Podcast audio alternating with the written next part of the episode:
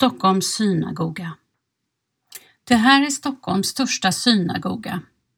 I anslutning till synagogan återfinns Willy Gordons bronsstaty Flykten med tåran, som föreställer en jude som flyr med tårarullarna. Tillbaka nu till Aron Isaks, namnet på baksidan av stenklotet. Att vara praktiserande jude var tidigare förbjudet här i Sverige men Gustav III bjöd in Aron Isaks som första jude att fritt praktisera här i Stockholm. Aron Isaks var gravör och sigillmakare och blev 1788 utsedd till arméleverantör i Gustav IIIs krig mot Ryssland. Det sägs att Aron Isaks var en listig man och visste att om han skulle trivas här i Sverige så skulle han behöva få med sig goda och nära judiska vänner. Han bad därför kungen om tillstånd att bjuda in ytterligare nio judiska manliga vänner för att bo och arbeta i Stockholm.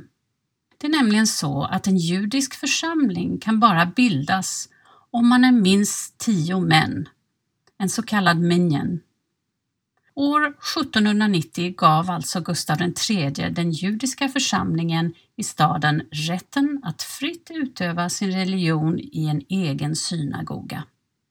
Den kom att inrymmas i övervåningen på huset vid Själagårdsgatan 19 i Gamla stan och hade bland annat särskilda läktare för kvinnorna. Delar av den finns kvar där ännu och är numera det judiska museet. Upplev flera berättelser och objekt på plats med Geostory-appen. I appen kan du också tävla om att bli väktare och beskyddare för dessa. Finns där appar finns. Har du förslag på intressanta och bra berättelser som du tycker borde finnas i Geostory?